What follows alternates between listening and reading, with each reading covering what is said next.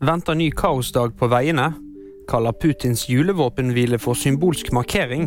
Og prins Harry avslører kokainbruk i ny bok.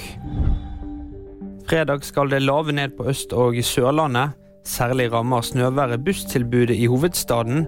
Ruters pressevakt sier til VG at de er forberedt på en krevende dag. I Agder og deler av Vestfold-Telemark kan det komme hele 40 cm med snø. Noen steder på Østlandet kan det komme opp til 25 cm. Det er nok eh, først og fremst en uh, symbolsk uh, markering framfor noe annet. Det har ingenting å bety verken sikkerhetspolitisk eller militært. Det sa forsvarsanalytiker ved NUPI, Per Erik Solli, etter at Kreml sa at de skulle innføre våpenhvile i forbindelse med den ortodokse julefeiringen 6. og 7. januar.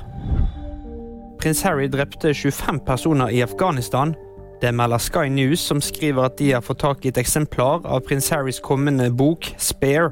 I selvbiografien kommer det bl.a. frem at hertugen av Sussex har tatt kokain Boken skal også inneholde detaljer om prinsens militærtjeneste i Afghanistan, der det hevdes at han drepte 25 mennesker mens han tjenestegjorde. Og det var VG-nyhetene. De fikk du av meg, Kristoffer Gåsvær Torgersen.